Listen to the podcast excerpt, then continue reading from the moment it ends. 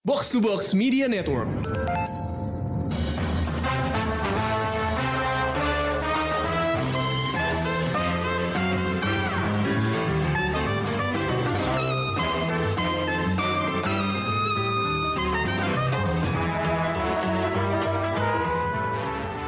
Hai pendengar Showbox, kembali lagi di Korea Ganza. Kalau tadi udah dengerin part satunya, Emmy, Krishna, sama Ulil. Sekarang kami kembali lagi di part 2-nya. yang masih kita ngobrolin uh, drama Korea apa sih yang menjadi pilihan untuk lo tonton. Yang benang merahnya tuh adalah Second Chances. Di mana kalau tadi yang pertama tuh kan kita udah ngomongin uh, Tomorrow sama The Uncanny Counter. Nah, yang di part 2 ini, Emmy sama Krishna akan bawa dua judul yang berbeda. Jadi silakan saja, gimana Emmy Krishna? Langsung mau membawa judul apa untuk part 2 ini? Eh, gue duluan nih Chris, soalnya drama gue lebih baru kayaknya. Oh iya. iya lagi bener. baru, baru selesai ya? Apa? Iya, iya, Baru selesai. Iya, eh, ada. Jadi eh, kenapa gue pilih judul ini? Sebenarnya ada Hmm. follower di Twitter yang ngusulin dia. Oke. Dia Oh. katanya ini eh, setiap minggunya eh, masuk rating tinggi atau gimana gitu. Iya, dan Hmm. kayaknya emang cukup banyak diomongin juga sih di Twitter nih judul yang akan Emmy bahas ini. Ya, yaitu Again My Life ya. Jadi eh, ini judul yang lo bisa tonton di View. Eh, Mhm. Apa namanya? Sederhana banget konsepnya untuk second chance-nya ini. Kalau tadi Kayaknya kan beda sama yang dua kita bahas sebelumnya ya. Ya, kalau tomorrow kan eh, apa pakai skema apa namanya Malaikat maut, malaikat maut yang alam baka gitu-gitu eh, ya. yang bentuknya perusahaan gitu. Terus Mhm. Uncanny Counter tuh eh, bentuknya adalah eh, sebagai Pemburu, pencabut roh jahat gitu. pemburu roh jahat. Iya, kalau ini tuh manusianya insaf lagi. kalau di sini Again My Life itu ceritanya tuh Mhm. eh, lebih simple, yaitu tentang seorang jaksa penuntut yang lagi menginvestigasi orang paling berkuasa di Korea. Jadi pemeran utamanya adalah Lee Jun Gi. Terus eh, dia memerankan penjaksanya namanya Kim Hee Woo. Eh, Dia tuh ngejar seorang politisi namanya Cho Tae Sap. Tapi saking ambisiusnya, jadi si jaksa ini tuh kurang hati-hati gitu. Dia pas ngejar eh, ketangkep sama si penjahatnya. Jadi dia dibunuh. Terus pada saat dia dibunuh, muncullah sosok seorang malaikat. Malaikat cewek pakai baju merah, aneh kan? Udah malaikat Hmm. pakai baju merah lagi. Mm-mm. Dia nawarin, lu mau nggak hidup lagi? Kalau lu mau, kalau gua, lu- kalau lu gua kasih kesempatan buat hidup lagi, Ya. bisa nggak lo nangkep Cotesap? Nah terus udah gitu si Lee Jungi kan kayak mau, gue mau. Jadi akhirnya si Lee Jungi dibalikin ke masa-masa dia lagi persiapan mau masuk universitas. Oke. Nah, dari fase lebih muda dia ya. Ya dia jadi balik lebih muda tapi nggak semudah itu. Dan dia uh, mengingat segala hal yang sudah terjadi di kehidupan dia sebelumnya. Hmm. itu jadi kuncinya dia untuk melawan si politisi jahat yang namanya Cho Tae-sap ini gitu. Dan dari situ ceritanya langsung berjalan maju udah gitu. Dan apa ya konsep second chance di sini adalah dia benar-benar cuma dapat satu kesempatan tapi karena dia orangnya adalah eh, apa ya pinter cermat terus determinasi banget gitu dia jadinya bisa berstrategi untuk ngalahin Cotesap di masa depan gitu nah Wah, Yaudah. dia mem- memanfaatkan kesempatan keduanya dengan Wow. sangat baik ya. iya makanya Kayaknya nih kesempatan kedua yang dimauin banyak orang nih. Iya bener. oh Udah dipersiapkan gitu loh. Mempersiapkan. eh, tapi Dan anehnya sini- lagi dengan dengan masa eh kehidupan sebelumnya dia inget lagi. Iya. Iya, udah gitu. eh, tapi yang anehnya di sini adalah si malaikat itu sebenarnya sosoknya sekretarisnya si Cotesap. Lah? Oh. Ngerti Oke, nggak? iya iya iya iya. Jadi Orang dia dekatnya malaikat. juga ya. Mm-mm. Tapi dia ngambil wujudnya, wujud sekretarisnya si Cotesap. Wujudnya Jadi- doang tapi. Eh, yang menjadi misteri adalah kok orang ini sama sekali nggak ingat dia pernah apa ya ketemu sama Lee Jun Gi gitu. Hmm. dan itu tidak terjawab pada akhirnya gue kasih tahu aja jadi ad- eh, kalau menurut gue plot hole plot hole-nya lumayan besar nggak Mhm. banyak tapi besar dan itu tidak terjawab yang gue curiga adalah mereka mau bikin season 2 gitu. Oh, makanya nggak dijauh, nggak diselesaiin. Kalau ngelihat ratingnya sih kayaknya kemungkinan bisa lah ya. Bisa sih. Produksi lagi ya. Soalnya soalnya ternyata drama ini uh, lumayan populer ya. Hmm. Dan apa namanya yang main jadi Chote Sapeji itu juga orang yang terkenal banget yaitu Lee Kyung Lee Kyung Young yang senior, aktor senior yang uh, yang banyak main di film dan drakor juga kan. Hmm, gitu. Jadi apa ya? em, dan pada akhirnya di di akhirnya itu masih ada misteri-misteri yang sengaja ditampilin dan belum terjawab. Jadi kayaknya sih ya memang season 2. Hmm. Jadi dia punya second chance juga buat ngejelasin plot hole yang terjadi di season 1 ini sih kalau menurut gue. Itu dan gue rasa emang apa ya? em, drama ini tuh second chance-nya tuh emang simple banget tapi gue suka cara dia ngebangun plotnya sampai dia akhirnya bisa membongkar semua kasus-kasus yang berkenaan dengan si Chotesap gitu. Contohnya waktu dia muda orang tuanya meninggal Mm-mm. dan dia meninggal tuh tanpa apa ya eh, ada kata-kata baik terhadap orang tuanya. Jadi mereka meninggal udah gitu aja gitu. Oke. Jadi pada saat dia balik ke masa lalunya dia bisa nyelamatin orang tuanya. Dan itu nggak berdampak apa-apa ya. Maksudnya ya udah. Nggak itu apa-apa.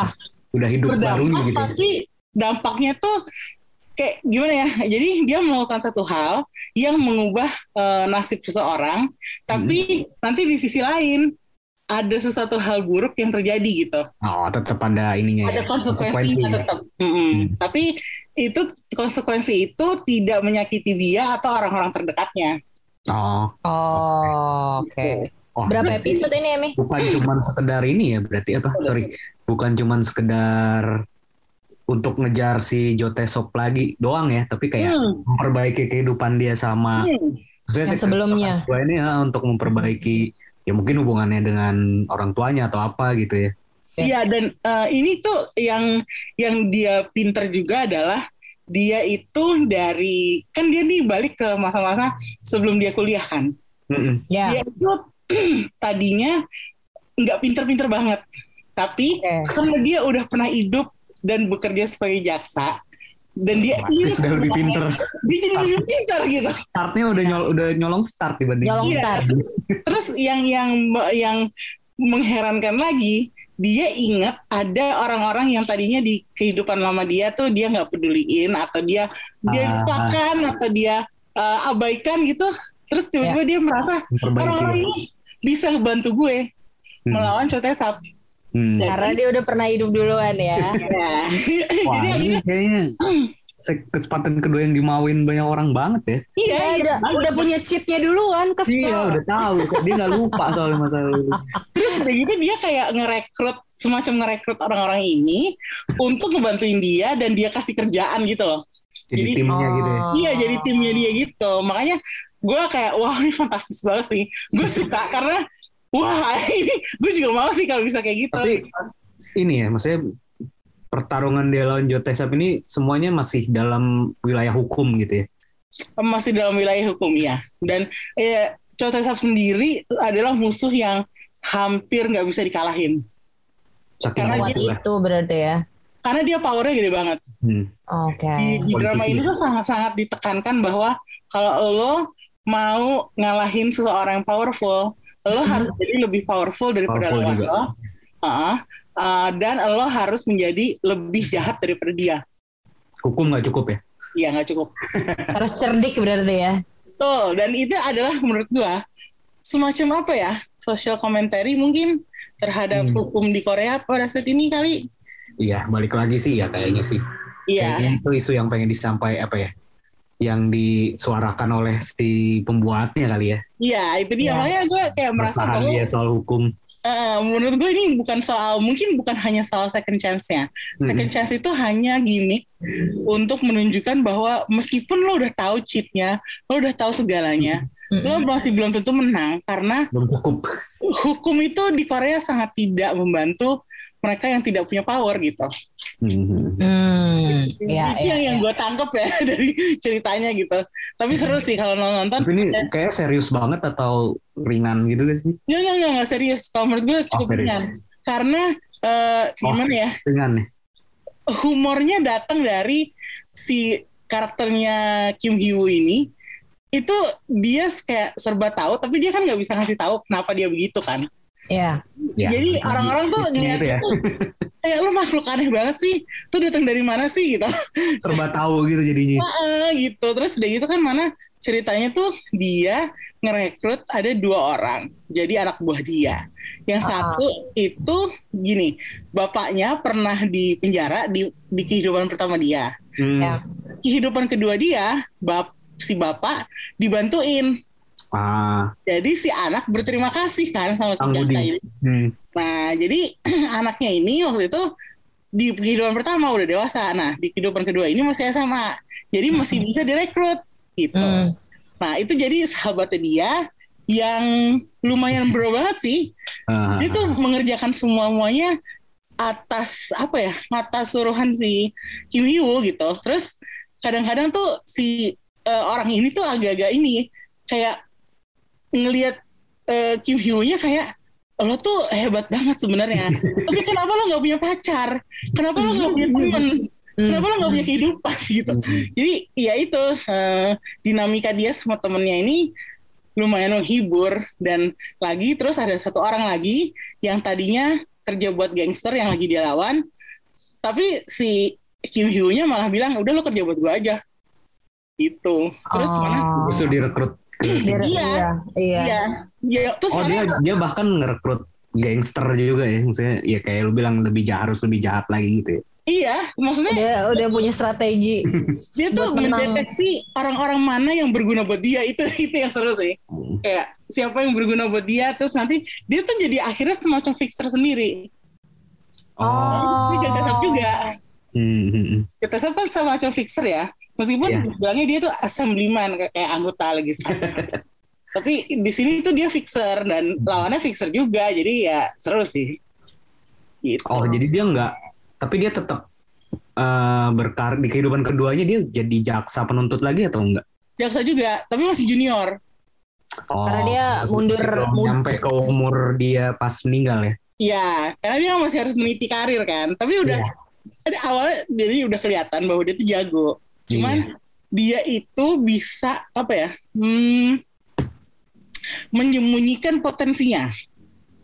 Jadi Oh, Oke. di antara rekan-rekannya sama senior-seniornya dia disukain. Dia Mm-mm. bukan ancaman bagi mereka. Karena dia Oke. nggak nggak mau terlihat menonjol gitu ya. Ya betul.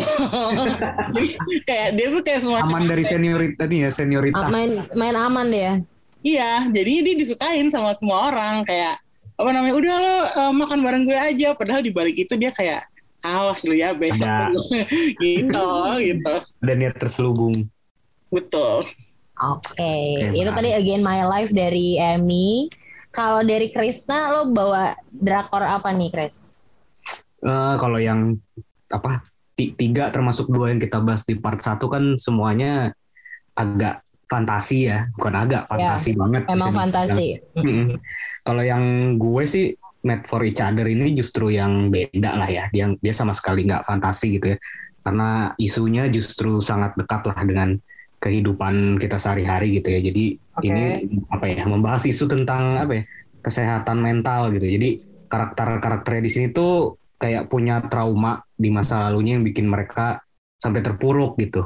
Nah, jadi di sini tuh Oke. gimana caranya mereka bisa bisa keluar dari masalah mental itu buat mereka bangkit lagi, bisa hidup normal lagi lewat lewat terapi gitu. Jadi mereka secara rutin itu kayak berapa minggu sekali eh seminggu berapa kali gitu tuh mereka nemuin Mhm. terapi. Jadi karakter itu ada dua yang karakter utamanya gitu. Si pertama tuh Nawi Nowi Oh yang diperankan oleh Jung Woo, terus satu lagi Lee Min Kyung yang diperankan sama Oh Yen So. Nah mereka tuh yang satu si Jung Woo nih dia mantan detektif gitulah. Sebenarnya detektif yang lumayan berprestasi gitu, tapi terus kayak karena satu kejadian itu eh, bikin salah satu partnernya tuh sampai koma gitu. Nah dari situ terus dia jadi punya anger issue gitu. Jadi dia temperamen marah sama gampang marah apa segala Ya. macam yang bikin dia sampai akhirnya mesti di suspend gitu. Jadi di scourging sampai dengan batas waktu yang belum ditentukan gitu. Ya sampai Oke. dia bisa mengatasi masalah itu buat bisa dinas lagi gitu. Sementara yang satu lagi yang cewek ada Lee Min Kyung, dia ini pernah mengalami eh, kekerasan dari pasangannya gitu ya, kekerasan fisik gitu. Hmm. Dan terus setelah mengalami kekerasan itu, dia juga jadi korban victim blaming karena dia ternyata pasangan itu punya istri gitu, di mana dia nggak tahu, tapi terus dia kayak Hmm. malah jadi pihak yang disalahin gitu. Nah itu Oke. bikin, bikin dia jadi kayak parno gitulah. Jadi dia setiap ngelihat orang, padahal orang itu nggak ngomongin dia gitu. Tapi itu dia kayak ngerasa diomongin, kayak ngerasa lagi dijelek-jelekin segala macam. Iya. Itu yang akhirnya bikin dia mesti sampai dia dipecat dari pekerjaannya. Terus akhirnya dia juga apa ya nggak berani keluar gitu loh. Jadi dia eh, nggak bisa bersosialisasi sama orang gitu. Karena itu selalu ngerasa paranoid, selalu ngerasa diomongin, selalu merasa di eh diomongin jelek. Jelek-jelekin sama orang. Jadi dia kalau keluar tuh selalu kayak pakai kacamata hitam terus kayak bikin penampilan yang yang aneh lah gitu. Bikin boundaries biar- sendiri iya, ya biar supaya nggak- nggak biar diganggu. nggak dikenalin, ha, benar. Mm-mm. Nah terus ternyata mereka itu eh ketemu sama psikiater yang sama Oke. nggak sengaja. ha. Jadi mereka ketemunya tuh di jalan gitu kayak nggak sengaja pas lagi mau ke situ dan dan ternyata mereka juga tetangga di satu komplek apartemen yang sama gitu. Nah akhirnya terus Oke. kayak kayak akhirnya sering bersinggungan, sering ketemu. Nah dari situ akhirnya mereka eh, saling kenal, saling deket, terus tahu masalah satu sama lain, terus eh, terus dari si terapisnya juga kayak menasehati untuk mungkin lu mesti mesti apa ya mulai membuka diri lu coba lebih dekat apa segala macem salah satu masukannya gitu ya akhirnya mereka saling ya itu Ngobrol. saling nyemangatin saling ngobrol akhirnya saling terbuka akhirnya saling kayak nyemangatin satu sama lain buat bangkit gitu sih. Gue gak tahu sih seberapa akurat gitu ya soal penanganan mental health di sini gitu ya karena ya gue bukan psikiater juga cuman Mm-mm. gue ngerasa sih cukup cukup oke sih. Cukup memuaskan sih. Gue Mm. sebagai penonton gitu ya. Kayak abis lo nonton gitu ya kan ada pasti ada beberapa scene yang mereka kayak kayak terapis ya gitu kan. Menurut Mm-mm. lo nih hal itu bisa diaplikasikan nggak Iya sih kayak kayak kayak di sini tuh emang menekankan kalau kalau ya kalau lu punya masalah mental apa ya Mm-mm. solusinya lu mesti emang mesti kayak ke terapis gitu ke psikiater kayak eh, ya ketemu ahlinya gitu Konsul, biar bisa ketemu gitu-gitu ya. ketemu solusinya kayak gitu-gitu sih. Tapi Terus, tapi walaupun kesannya kayak is- masalahnya berat gitu ya mental health, Mm-mm, gitu kan. mm-mm. tapi di sini dibawainnya lumayan ini sih lumayan jadi kayak komedi juga sih romcom bisa dibilang malah agak romcom karena kan lama-lama mereka kayak ada eh, hubungan romantis juga iya. Oh, baru gue mau nanyain ah. seberat itu nggak karena gue ngeliat eh, posternya kok kayaknya banyol gitu loh, Iya iya kayak enggak. lucu. Itu- Nah itu gue sukanya sih karena ternyata dibawain itu dengan dengan humor gitu dengan mereka eh, ya biasalah yang satu temperamen yang satu paranoid kan. Jadi kayak pas ketemu tuh kadang emang ada gap ada ribut-ributnya gitu di awal-awal. Cuman makin lama makin saling simpati gitu. Ke pas saling makin kenal makin dalam masalah masing-masing tuh ya mereka jadi mulai simpati bahkan akhirnya empati ya makin dekat. Ya lucu sih tapi prosesnya. Dibikin lucu lah gitu. Terus di akhirnya mereka akhirnya jadi ini nggak, Chris? Jadi apa namanya? Em, sembuh. Akhirnya bangkit ya. Kayak eh, setelah proses panjang itu ya akhirnya si yang cowok bisa eh, dinas lagi jadi polisi lagi aktif gitu. Terus yang satu yang cewek juga akhirnya ya bisa bisa mulai bergaul mulai Hmm, hmm. apa membuka diri sama masyarakat. Jadi ya ya itu prosesnya sih. Dan ini episode nggak terlalu panjang. Nggak kayak biasa yang sampai 16 sih cuma 13 dan per episodenya tuh kayak 30-an menit doang sih Oh. Dikit banget. Iya. Jadi lumayan apa ya? Lumayan fokus sih ceritanya nggak nggak nggak banyak subplotnya. Paling di luar dua karakter utama ini ngebahas Mm-mm. soal ini aja sih biasa apa? Mereka kan tinggal satu komplek apartemen, jadi kayak ada ibu-ibu yang lain lah gitu segala macem.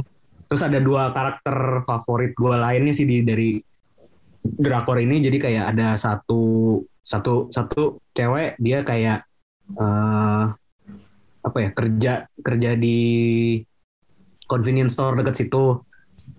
Tapi dia kayak sebenarnya suaranya bagus nyanyi apa eh, pengen jadi penyanyi gitu. Terus ada Mm-mm. satu lagi tuh karakter cowok tapi dia cross dresser cross dresser atau bahkan udah transgender gitu ya tapi terus mereka berdua jadi deket gitu. Terus kayak akhirnya juga si dua orang ini saling support karir masing-masing gitu si yang si yang cewek yang kerja di convenience store sama si cowok crossdresser ini. ha-ha. Keren juga nih baru Iya, maksudnya maksudku kayak karakternya eh, lumayan. jarang gitu loh Iya. kan. Drakor Dan gue suka gue- cara treatment si karakter utama cowoknya nih si Nowi Oh itu ke ke yang temennya yang crossdresser ini itu ketika si si cowok ini jadi apa ya berpakaian perempuan dia manggilnya tuh dengan nama perempuan Oh, Oh. dan ketika dia ketemunya si si pas jadi laki cowok ini pas- laki ya. laki-laki dia manggilnya dengan nama laki-laki gitu dan dan no judgmental gitu dan dia malah akhirnya sempet kayak minta tolong didandanin karena dia mau nyamar buat nyelesain masalah dulu yang apa ya dia kan kayak ngejar lagi ngejar-ngejar bandar narkoba gitu Mm-mm. itu lucu juga sih dinamika dia sama si tetangganya yang crossdresser itu hmm. Oke, Dan jadi pas- cukup kan ringan ada, ya. ada ibu-ibu juga gitu kan ibu-ibu ini kadang masih suka julid gitu kan ke si ke si crossdresser terus sama dia Ya. dimarahin kayak kayak ngapain lu ngomongin kayak gitu gitu gitu jadi lucu sih suka sih Kehidupan rakyatnya tetap masih ada ya. masih ada ya tapi Iya, iya, iya. tapi ya ny- nyentuh sisi yang lebih apa ya keberagaman juga ada terus masalah mental juga ada tapi semuanya juga dibawanya dengan ringan itu sih makanya gue suka banget dan kayaknya ini banyak yang kelewat deh lumayan under the radar deh Iya benar. Ini di Netflix ada sih. di Netflix Di Netflix justru Lil. Mm-mm. Oh, kok Dia- kelewat ya? 2000 sa- 2021 sih Tahun. Oh, Oke. belum lama-lama banget. Iya, di di tahun itu juga kayaknya eh, lumayan banyak ya yang bahas rame. kesehatan mental gitu yang kayak it's Oh, okay iya. to be not okay. Iya. Gitu nggak sih? kayaknya tapi- lumayan lagi jadi isu di Korea sama juga. kali ya di kehidupan masyarakatnya Iya. Nah, tapi kan kalau tadi nih gue mendengar uh, reviewnya Ami sama Krisna, Mm-mm. ini kayaknya drama Korea yang jauh dari sedih-sedihan gitu.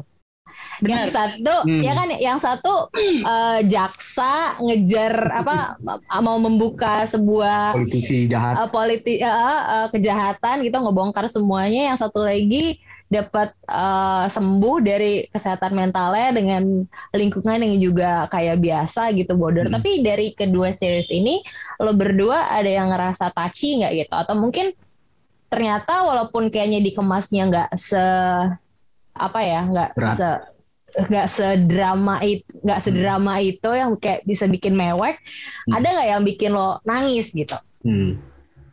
Kalau Hmm. gue, eh Chris gue sama masih harus mikir nih. oh, oke. Kalau di Made for Each Other, memang yes mostly sepanjang 13 episode lebih banyak komedinya sih gitu ya. Tapi oke tetap ada pas kayak nunjukin masa lalu si karakter yang perempuan itu Mm-mm. itu drama lumayan dramatis sih dan ketika si apa ya eh, pelaku kekerasan yang di- dari masa lalu dia tuh sempat kayak muncul lagi gitu loh di kehidupan dia. bikin trauma berarti ya trauma banget. Nah, pas momen-momen Ya. itunya lumayan serius sih, lumayan dalam karena terlihat dia beneran yang trauma, takut segala macem gitu.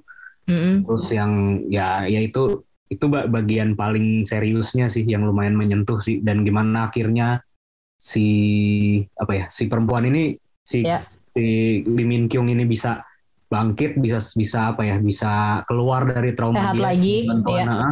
Dengan dari dengan bantuan Nowi Oh tuh di klimaksnya lumayan dramatis sih dan dan dan lumayan cute juga sebenarnya ini rom romance mereka Oh, kayak em, pas lo nonton di bagian itu tuh Mm-mm. eh, lo merasa dia kayak bener-bener ngerasain ketakutannya gitu nggak sih? Maksud gue kayak Iya, kita iya. kita kita balik ke Tomorrow gitu di part Mm-mm. one itu kan waktu waktu ada kekerasan seksual yang sampai nangis-nangis yang bener-bener Mm-mm.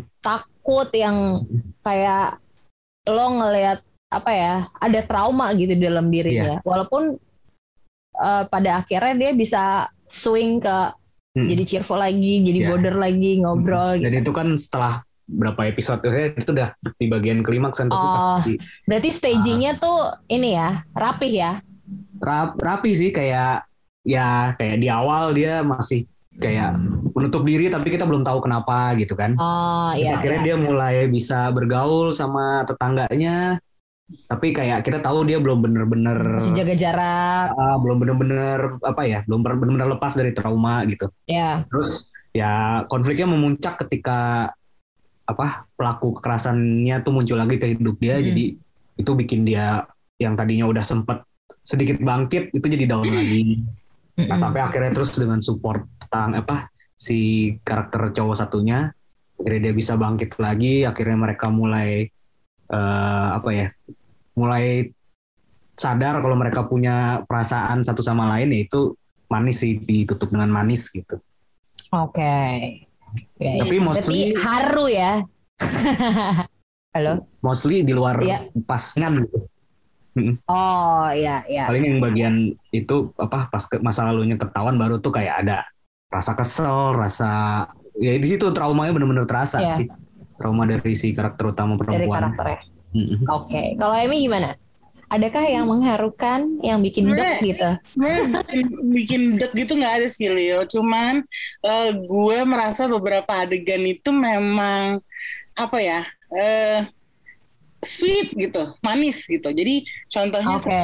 waktu si Kim Hyo-nya bantuin bapaknya temennya itu diselamatin dari hukuman Mm-mm. eh, dan akhirnya dia berterima kasih bapaknya nggak jadi masuk penjara Yes. dan akhirnya dia mau direkrut sama si Kim Hyo untuk kerja buat dia itu tuh gue suka caranya mereka ngasih tunjuk apa ya rasa terima kasihnya mereka gitu terhadap Ah. jadi mereka tuh eh, apa ya meskipun eh, sebenarnya bukan bukan kasihan sih tapi kayak caranya mereka berterima kasih itu lumayan menyentuh buat gue karena terlihat tulus banget gitu kayak thank you Hmm. banget lo lo nyelamatin bokap gue dari penjara gue bakal melakukan apa pun buat lo gitu dan itu Oke. sentimen itu kadang-kadang kan bisa terdengar atau terlihat palsu kan? Iya, Iya. iya. itu enggak.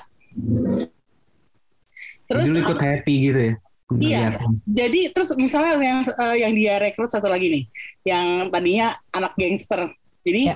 kan dia eh, di geng eh, di geng mafia yang lagi diinvestigasi sama Kim Hyo terus mereka berantem. Terus mereka berantem dan apa namanya eh, sampai si anak ini karena gue sebut anak karena dia usianya masih usia kuliahan Mm-mm. waktu itu si Hmm. Kim Hyo udah udah lulus dan udah kerja kan Mm-mm. eh nih anak dipanggil di ditahan di kantor polisi terus sama si Kim Hyo dibilangin "Eh, lo tuh first time offender gue nggak akan Hmm. kasih lo hukuman penjara gue cuman suruh lo eh, apa namanya kalau nggak salah dikasih hukumannya cuman pro- probation apa kalau nggak salah Mm. probation terus habis itu lo gue kasih uang lo belajar nyokap lo gue pindahin ke rumah sakit yang lebih bagus Oh. cara dia berterima kasih terhadap Kim Hyo manis banget, iya, itu iya. manis gitu loh Iya, dan iya, iya. Nggak berlebihan juga kayak ya udah gitu. iya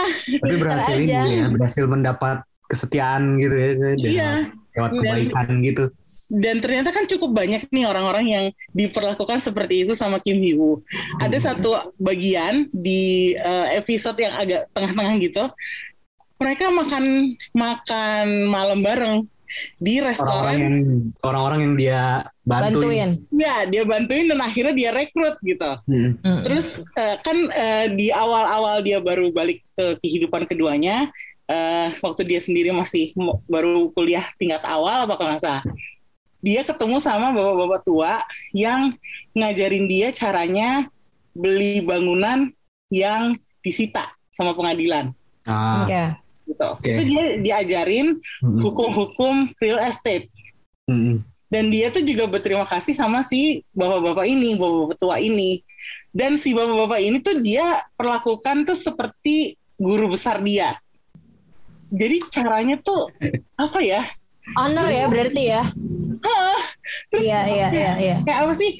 Mereka pas makan makan malam bareng itu, Ya. yang dia rekrut, yang si guru besar, yang teman-temannya dia dari kuliah, teman-teman dia dari apa ya namanya dari kursus tempat persiapan ujian, Mm. itu digabungin semua makan malam di tempat makan di, di rumah makan punyanya ayah ibunya dia dan itu suasananya Ah. kekeluargaan banget Wah, Iya, kayak iya, iya. momen-momen Reunian ya. cari drakor nih biasanya kayak gini. nih.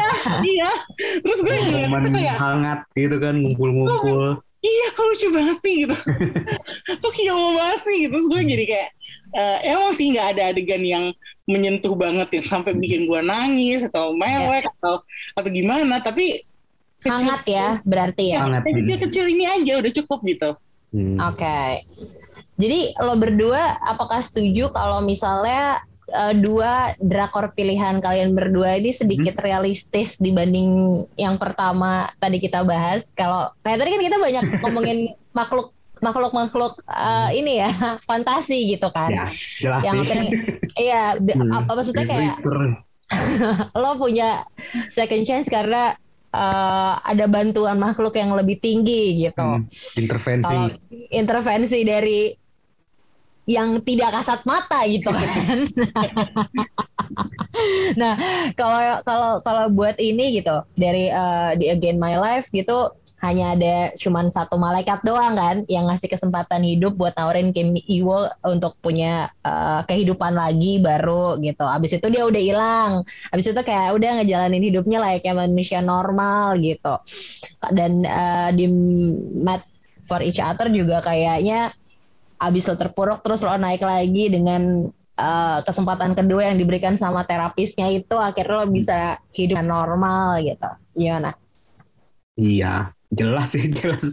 Maksudnya kalau yang made for each other ya jelas yang paling realistis mungkin ya, ya karena memang eh, yang kita tahu kan memang Ada isu juga gitu ya. Iya, heeh. isu yang lagi lumayan di termasuk di Indonesia kan lagi lumayan orang lebih sadar kan tentang tentang pentingnya kesehatan mental gitu kan Ya. dan dan dan ya so- solusinya memang ketemu profesional di bidang itu gitu untuk menyelesaikan ketika ketika lo udah nggak bisa apa ya itu Berjuang udah lagi. mengganggu hidup lo gitu udah mengganggu Hmm. hidup lo lo udah nggak nggak tahu mesti ngapain ya temuin ahlinya gitu kan jadi kayak Ya. justru yang ini kayak yang paling realistis lah jelas, jelas sih. Oke.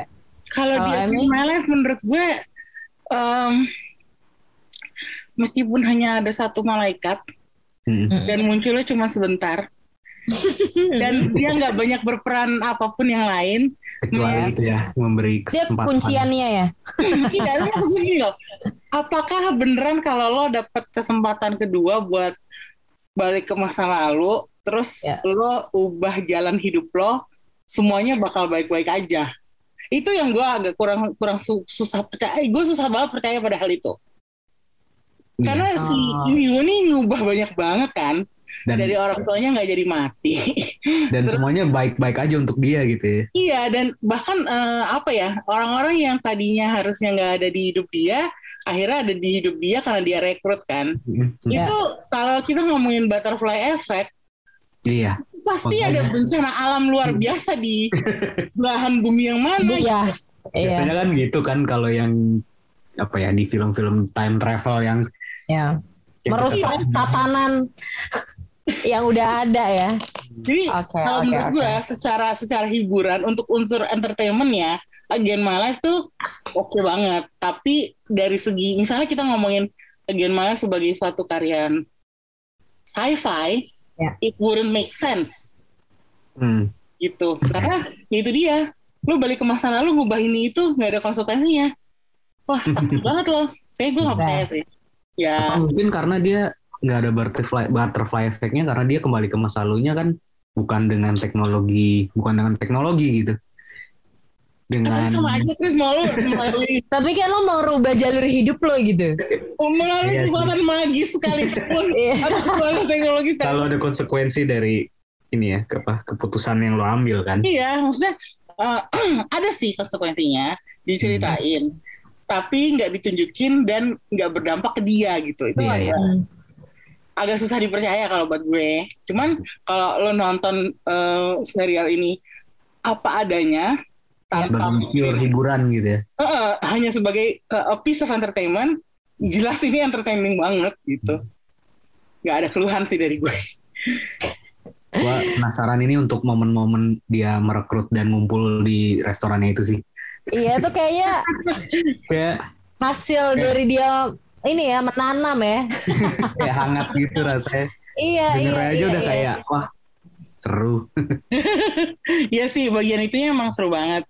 Eh, kayaknya kalau misalnya lo mau nonton uh, drakor ini my life. Mm-mm. eh, nggak usah apa ya kayak misalnya lo cari tontonan ringan buat weekend ini nih Hmm. bisa lo jadiin Oke. wah gue binge loh Dia seper episode durasinya? lumayan pendek nggak sampai sejam sih kalau Ah. eh tuh tuh 40-an. sampai sampai sejam sampai sejam sampai sejam Oke. Oke, tomorrow lah ya berarti. iya jadi tapi ini jauh lebih ringan daripada tomorrow sih Ya, ya. maksudnya nggak jangan berekspektasi Iya sih. gimana gimana gitu Iya, iya. Karena dia menyelesaikan kasus kan. iya dan ini tak apa ini eh, kayak tontonan ringan buat weekend itu yang bisa gue deskripsiin dari Again My Life Oke, nggak usah mikir berarti ya. Nikmatin aja. nikmatin aja Nikmatin aja.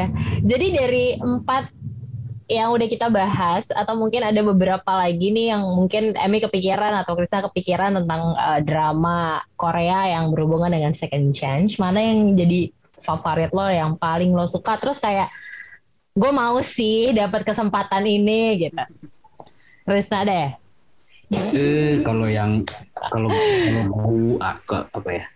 Kalau gua paling suka sih Tomorrow sih ternyata gitu karena iya banyak yang dibahas banyak banget hal yang dibahas di situ gitu ya dan itu isu-isu yang serius isu-isu yang sensitif tapi ternyata penulisnya tuh bisa apa ya bisa mem- membuat itu terasa eh sensitif apa ya ada sensitivitas di situ gitu dan dan konklusinya cukup memuaskan gitu.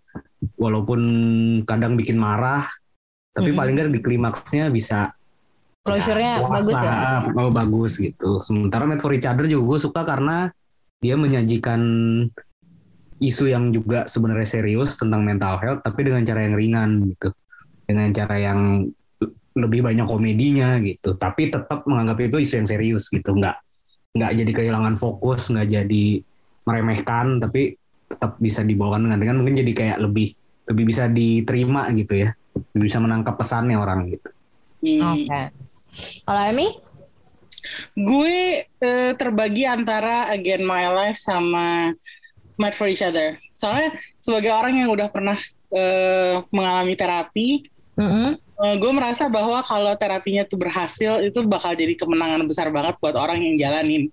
Iya oke Karena apa mental health itu gue merasa dari dulu kadang tuh banyak orang di sini terutama di Indonesia Yes. yang ngegampangin gitu.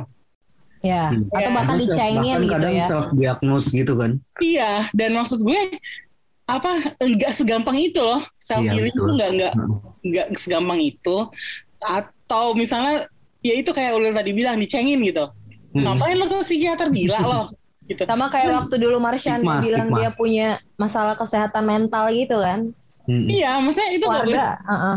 nggak nggak boleh disepelein gitu Yes. dan untuk pergi ke terapi itu susah banget gue gue tahu banget perasaannya Ya. bahwa Mhm. lo kayak kalau lo eh, lo harus pergi ke ke terapis lo Hmm. hari ini lo pasti ada perasaan harus gak sih gue ke sana gue nggak apa-apa Iya. kok gue baik udah baik-baik aja iya Tuh. padahal sebenarnya lo nggak baik-baik aja gitu ya pertama-tama lo harus mengakui dulu pada diri lo bahwa lo punya masalah terus yang kedua adalah gue pengen keluar dari masalah ini Hmm. Gitu. Dan itu nggak gampang ya. Nah, Tahap pertamanya itu nggak gampang kan. ngakuin itu aja tuh susah banget kadang-kadang buat orang-orang gitu. Jadi Ya. kalau kita berhasil, kalau kita punya masalah health, uh, mental health issue, terus kita menyadari hal itu dan pengen dapet pertolongan, itu Mm-mm. aja lo bisa ngakuin hal itu aja tuh lo udah menang, Hmm. yes kayak menang sebagian gitu. Dan kalau akhirnya terapi lo berhasil, itu makin menang lagi tuh rasanya pasti happy banget kan Iya. yes makanya gue gue eh, kalau misalnya nih sekarang jujur aja nih gue lagi agak galau gitu kan. Tanya, terus gue gue belum nemu terapis yang yang pas gitu. Ya. jadi gue masih agak galau sebenarnya. Jadi gue berharap bisa nggak sih gue ketemu terapis yang benar-benar ngerti gue yang Hmm. bisa bantuin gue gitu. Ah, bisakah gue menemukan lingkungan dan teman-teman yang kayak di Mad for Each Other yang saling suportif yang gitu support ya. Itu Iya sih. kan, itu juga nggak gampang ya maksudnya untuk ke psikiater sendiri udah berat, terus ketemu yang tepat juga belum tentu gitu ya. iya betul tapi Hmm. kalau misalnya kita ngomongin kayak apa ya purely dari keinginan gue doang nih misalnya berandai-andai gue sih Mhm. pengen sih hidup kayak si uh, Lee Joon Gi di Again My Life Iya. Bisa menata ulang Menata ulang hidup ya. menata ulang hidup. Gila Iya, tuh itu kesempatan kalau misalnya itu benar terjadi misalnya ada yang benar dapat kesempatan melakukan itu Ya. jangan sia-siain deh hanya bisa terjadi di drakor men Iya. Cuman mereka yang bisa Dan- mewujudkan itu dan tanpa konsekuensi langsung. dan mengga- tidak mengganggu yang lain. nah itu dia kan itu mimpi banget tau gak sih kayak ya udahlah kalau misalnya bisa ya udah jalanin aja good luck man nah kalau lu sendiri Iya. lu Hmm. Um, gue lebih cenderung ke tomorrow sih.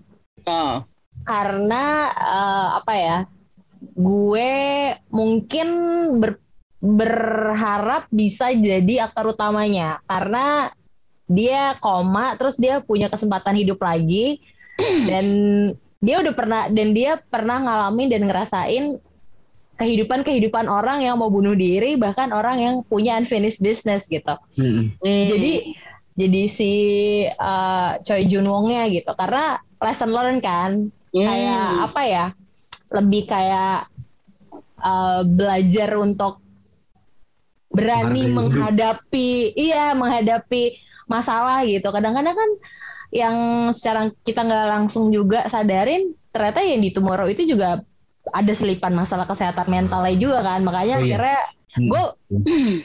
gue bunuh diri deh gue nggak kuat lagi Iya. nih gitu Betul. Nah, kayak orang nggak ada yang sayang sama gue gitu ya gitu gitunya sih Hmm.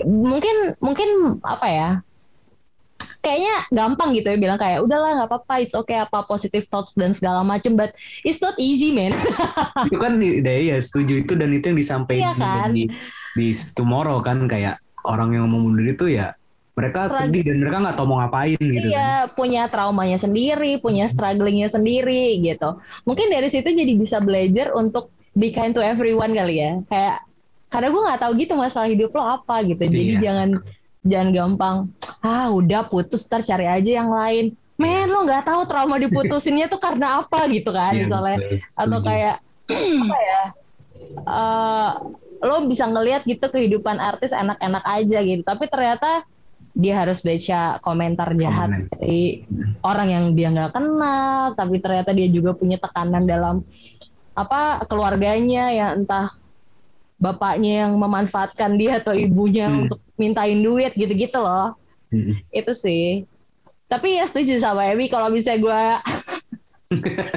boleh berandai-andai ya gue mau jadi yang di Again My Life lah bisa merestrukturisasi ulang hidup gue iya betul gue udah dapet sih kitnya. mau gitu loh iya parah oke ini sekarang pertanyaan terakhir nih buat eh, kita bertiga deh oke Ya kita kan udah nonton, udah nonton nih kurang lebih ya nonton empat drakor ini. Hmm. Pesan-pesan apa atau pesan utama apa yang bisa lo petik dari mereka? Diem. ini ya pertanyaan beratnya ya Iya. iya iya Berat kan? Maaf ya. kayak kalau Um, menurut gue sih ya itu tadi kayak yang gue setuju banget sama yang Ulil bilang yang di soal tomorrow kayak jangan pernah meremehkan masalah orang gitu kan Hmm. Itu sih kayak kayak ya lu nggak pernah lu nggak pernah tahu gitu hal hal sesuatu tuh beratnya untuk orang orang itu tuh kayak apa jadi kayak ya kayak gitu sih kalau menurut gue Hmm. Oke. dan apa ya apalagi kalau met- buat met for each other ya itu kalau kalau lu emang merasa punya masalah dengan mental lu, lu temuin profesional gitu Hmm. Itu kalau jawaban serius gue ya Kalau lo gimana? Pesan apa yang lo tangkap Hmm. dari empat drakor ini? kalau eh, gue yang pertama be kind to everyone ya Hmm. kayak karena kan kalau penyebab dari semua kesempatan kedua ini kan gara-gara lo nggak berbuat baik sama orang lain kan makanya Iya. kayak ada yang kena eh, mentalnya ada yang mau Iya. bunuh diri ada yang eh, jaksanya harus menyelesaikan masalah itu gitu terus eh, ini sih apa namanya eh, lo jangan bikin trauma deh buat orang lain gitu Hmm. mana ya kayak gimana ngomongnya ya mungkin di kehidupan nyata gitu kadang-kadang kita suka nggak sadar mungkin sama rekan kerja kita gitu kayak lo kerjanya gimana sih lala lalu lelo gitu misalnya gitu Oh iya, tapi betul. ternyata kan- ternyata biasanya bokapnya lagi sakit atau Hmm. kayak ternyata dia lagi kenapa gitu atau mungkin sama pasangan lo gitu sama mantan lo atau gimana secara nggak sadar lo dia jadi misalnya dia dia menyukai menyukai makanan Korea gitu ya terus tiba-tiba karena lo punya masalah sama dia putusnya nggak baik-baik dimanipulatif dan lain-lain jadi bikin trauma terus kayak gue nggak mau lagi makan Korea lah inget dia mulu kan jadi trauma gitu gitu sih jangan bikin trauma lah buat orang lain Ya. Setuju. Kalau gue, kalau gue pesan ter- terbesar yang gue dapat dari eh, drakor ini adalah Hmm. Karma works for everyone. Karma itu akan terjadi pada semua orang. iya ih bener Kayak iya bener ya, kesempatan- bener bener empat kesempatan empatnya ya kedua, kesempatan kedua yang lo dapat itu tergantung dari karma lo. Kalau lo baik sama orang, kesempatan kedua lo bakal jadi kayak si Kim Hee Woo di Again My Life. Tapi Iya. kalau misalnya kesempat kalau misalnya lo karmanya jelek, lo pernah berbuat jahat sama seseorang, Hmm. jangan harap eh, kesempatan kedua buat lo itu akan indah juga gitu. kalau gue sih gitu sih, iya, karena bener-bener. kayak apa ya? Gue percaya karma sih. Jadi yes ya itulah tadi kata Ulil be kind to everyone jangan jangan judgmental jangan jangan maksudnya jangan julid sama orang gitu maksudnya ya lu normal-normal aja deh gitu jalanin kehidupan lo gitu kan Yes. maksudnya jangan sampai kita mencelakai diri sendiri dengan menyakiti orang lain gitu Mm-mm. kalau gue sih gitu terlalu filosofis ya buat malam-malam tapi Bahasan tapi itu bener sih filosofis ya emang ini. Kesempatan kedua. Nah, pas, pada karena pasti setiap orang gitu ya, setiap yang pernah ngalamin kesempatan kedua gitu, pasti akan mikirnya kayak gitu kan. hmm. Entah kayak Emi akhirnya punya kerjaan yang ini, pasti lo akan lebih, lo pasti dapat lesson learn lah dari yang sebelumnya akan lebih lebih. lebih kayak gimana gitu. Buat yang sakit Ya. bisa sembuh, oke deh gue nggak makan jeroan lagi gitu ya kan. Ya kan, buat yang putus gue harus bisa baca red flag red flag nih jadi gue nggak mau ntar hubungan berikutnya kena red flag lagi bisa kayak gitu lagi kan. gitu ya. Iya, Lesson iya, learn iya. lah ya intinya ya. iya iya iya tapi karma karma is good sih setuju sih ya Mbak Emi Ya, jadi eh, gua rasa pembicaraan ini agak lumayan berat ya. ya habis ini kita jadi motivator bertiga Pilih- temanya lumayan ini sih ya. Pilihan kita ternyata judulnya walaupun dibawainnya nggak semuanya serius tapi sebenarnya isinya lumayan serius sih. Iya, karena kita ngomongin kesempatan kedua kan, dan Mm-mm. gua rasa ini bukan tema yang apa ya. Kayak lo ngomongin drakor biasanya kan ngomongin yang lucu-lucunya aja gitu. Tapi love-lovean apa tapi gitu gua ya rasa itu ini merupakan bukti bahwa drakor itu nggak secetek itu. Ya. Drakor itu bisa jadi dalam juga, ya nggak sih? Iya, Betul. ada ada banyak hal yang ingin disampaikan dalam sebuah drakor gitu.